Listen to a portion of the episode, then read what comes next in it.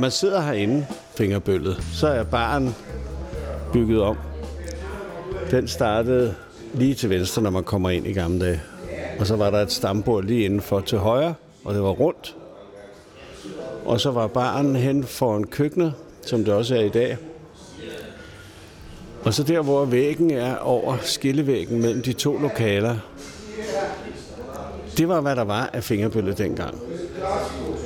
Altså, det er stadigvæk et skønt værtshus.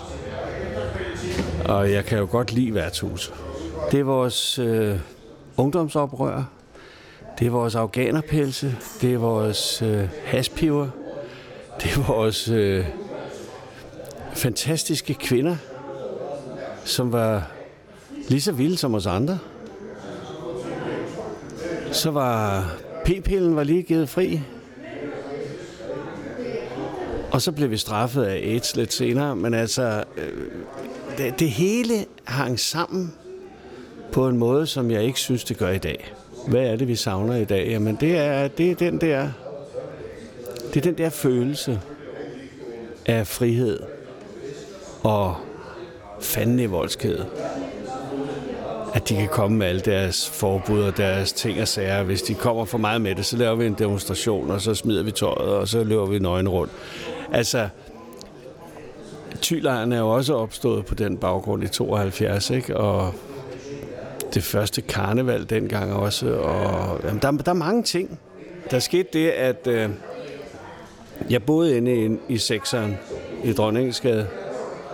Og den sommer var der så... Øh, altså, vi havde været til nogle... Jeg tror, det var nogle støttekoncerter eller sådan et eller andet for det nye samfund. Og øh, det nye samfund, det bestod af nogle øh, ret øh, skrabe, rabiate mennesker. Peter Duelund og, øh, og nogle brødre. Altså, de, de var en 4-5 stykker, som, som var den der, det nye samfund mafia. Og det nye samfund, det var altså noget med, at vi skulle lave et samfund, hvor der ikke var nogen regler, og hvor det hele bare kunne lade sig Jeg ved, jeg ved egentlig ikke rigtig, hvad fanden det gik ud på, men, men festerne var gode og øh, talrige. Og så lige pludselig så siger de, at de har købt en grund op i Nordjylland, og at vi skal derop og lave prototypen på det nye samfund. En sommerlejr. Og så var der en øh, biografforestilling inde i Dagmar Teater, hvor Henning Carlsen, som dengang ejede Dagmar og var, var, var filmdirektør, han havde inviteret instruktøren, eller ham, der stod for at have lavet Woodstock Festival, filmen, som varede i fire timer eller sådan et eller andet, og, og som beskrev og filmede denne her fuldstændig afsindige koncert, Woodstock, som også opstår på en bar mark et eller andet sted, uden noget som helst i nærheden. Og dertil kommer altså, var det en halv million mennesker? I biler. Fordi sådan transporterer man sig i Amerika. Og når de ikke kunne komme længere på grund af de andre biler, så stillede de dem. Og så gik de hen til lejren, og så havde de altså nogle koncerter der med alle koryfærerne fra den gang. En fantastisk film. Alle burde se den. Alle unge mennesker skulle være tvangsindlagt til at se den der i skolen. Og få hele historien omkring den, fordi den er så fabelagtigt. Nå, men den her film, den blev så vist inde i Dagmar, og der var, det var for en fuld biograf. Og der sad vi, altså, vi fik lov til at ryge derinde også. Så der var fuldstændig blåt, sort, tykt, eller ikke sort, men blåt tykt af hastoger. Og jeg kan huske, Allan Boschinski, han sad på forreste række med sin trompet og spillede til. Og øh, filmen kørte, og det var bare åben under polyper. Det var jo fantastisk. Det var alle vores helte. Det var Janis Joplin og Jimi Hendrix og 10 Years After og ja, yeah, you name them. De var der alle sammen. Um, og det var en kæmpe succes. Jeg kan ikke huske, at jeg betalte noget for at komme ind. Men hele featuren var, at øh, den startede jo først kl. 12, når alle de andre film var slut. Og så blev, blev biografen fyldt fra kl. 12 af, og så sad vi derinde til kl. 4 om morgenen. Og direkte derfra gik vi op på hovedbanen til et særtog, som kørte til øh, Frøstrup.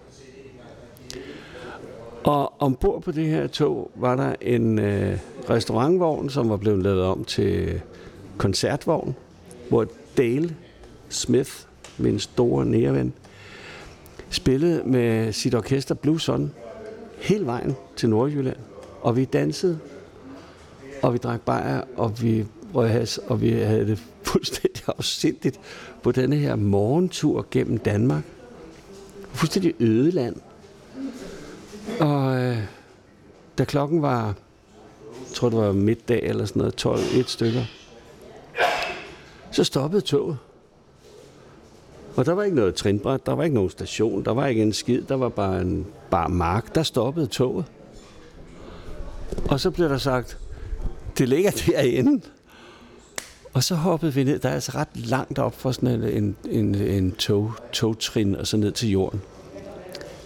Så hoppede vi der, af der alle sammen, den fuldstændig morgenskæve, og solen skinnede, og det var for varmt, og det var i virkeligheden helt forfærdeligt.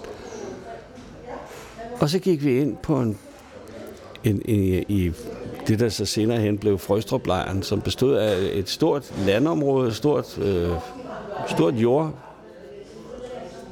hvad hedder sådan noget, par tønder land, ned til fjorden. Og der slog vi vores telte op.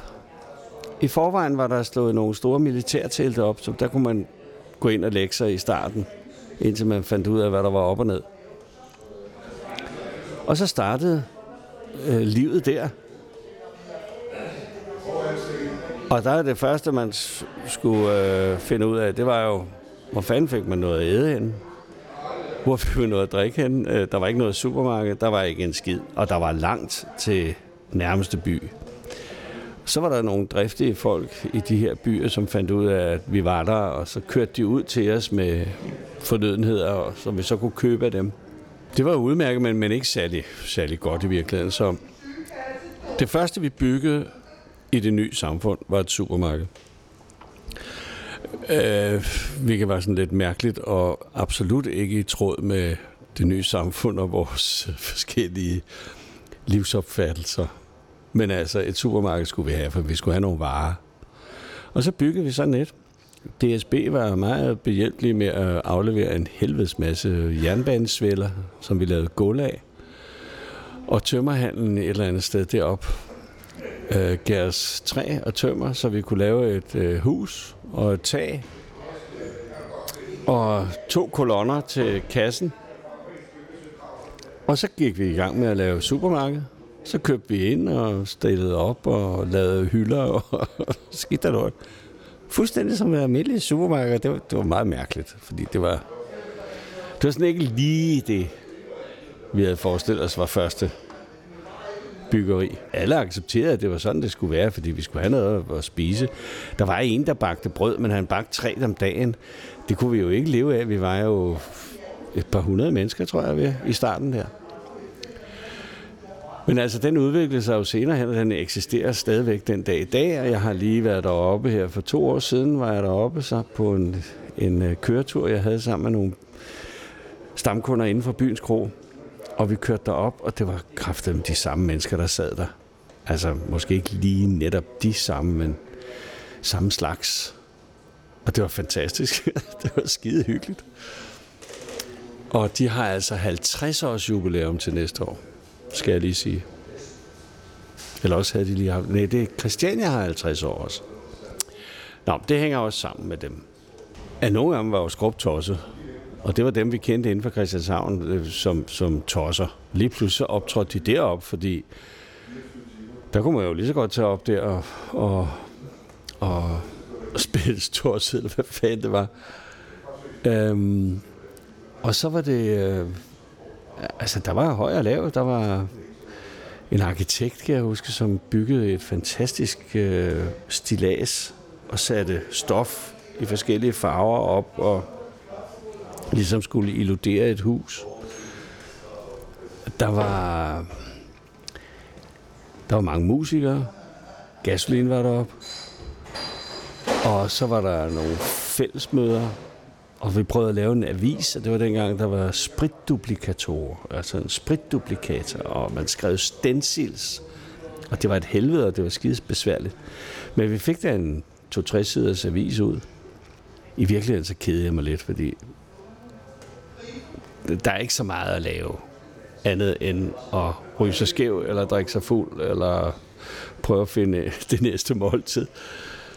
Så jeg lavede en øh, klunserbus.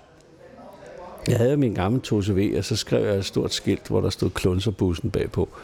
Og så satte jeg det på bagdørene. Og så, da jeg nu var medlem af pressegruppen der, så fik vi lavet nogle stencils eller nogle tryksager, hvor der stod opråb, opråb, opråb. Vi rydder jeres lofter gratis. Og det der ord gratis, det når man altså virkelig langt med i Jylland. Så kørte jeg rundt til alle gårdene med, med de her øh, løbesedler. Og så næste dag, så kørte jeg rundt og hørte om, om det var noget, vi kunne finde ud af, eller om øh, de synes, det var noget plader, ikke? Vi fik simpelthen bare lov til at rydde alle de lofter, vi overhovedet kunne komme i nærheden af, eller orkede. Så vi fik fat i en, øh, i en traktor og en ladvogn, og så kørte vi rundt til alle de her gårde og ryddede deres lofter. Og vi fandt guld på de lofter. Altså, vi snakker gamle vugger, som farmand selv havde skåret ud, og som var endt i et hjørne op på et loft. Det var kalekammerskabe, det var knagerækker, det var møbler, det var... Og så fandt vi også en masse tøj. Blandt andet et kæmpe lager af mamelukker. Jeg ved ikke, om der er nogen af jer, der ved, hvad en mameluk er, men altså, det er en meget fornuftig underbuks i, til damer med meget lange ben. Det går næsten ned til knæene, og så er der sådan nogle flæser, frynser for neden. Så altså har man mamelukker på, så er man ikke nøgen, men man er heller ikke påklædt. Og de ser fantastisk ud på en ung, flot pige. Og så alt det lort, det satte vi så ned i et fælles telt, og så solgte vi af det, når turisterne kom. De kom jo altså i turister. Turisterne kom i busser fra Tyskland og fra andre steder i Jylland og fra alle mulige steder, for at kigge på de her aber, der rendte rundt i noget, der hed Tylejren. Og de var alle sammen inde og åse i vores øh, teltbutik der, og vi fik næsten udsolgt hver weekend, og vi tjente en formue. Så havde vi sådan en stor papkasse med penge i. Den stod inde i midten af teltet. Og når man så skulle bruge et eller andet, så gik man hen og tog penge der, og så gik man over i supermarkedet, så købte man ind, og så lavede vi en grillfest, og så, ja, det var, det var store tider. Indtil der selvfølgelig var en eller anden idiot, der stjal alle pengene og løb med dem. Og det var selvfølgelig pisseirriterende. Men øh, sådan var der sådan lidt op- og nedtur. Men det var en stor tid. Jeg kan huske, at jeg blev, jeg blev affotograferet til Jyske Vestkysten, tror jeg det var. Et, et dagblad. Hvor de på bagsiden af avisen næsten i helt størrelse havde min klunserbus og mig selv stående øh, ved siden af. Og så nedenunder, der stod så historien om Karl Otto Henriques, som var i gang med at lave en klunserbutik i Tylejren. Og der fik jeg en opringning fra min far, kan jeg huske, at han sagde, at hvis jeg yderligere skulle reklamere for familienavnet, så øh, ville han gerne have sig det fra pæt. Så jeg lovede ham ikke at komme mere i avisen. Men øh, han var da sød til at sende mig nogle penge gang imellem, når jeg, når jeg manglede. Ja, vi har holdt i to måneder, tror jeg. Og jeg var hjemme øh, ind imellem. Jeg var, havde 14 dage hjemme i København, tror jeg. Og så havde jeg lige de sidste 14 dage, hvor jeg fandt ud af, at der, er, der var ikke rigtig nogen udvikling i det. Øh, og så gad jeg ikke mere. Altså, det blev, det blev kedeligt. Fordi der var ikke, nogen, der var ikke noget drive.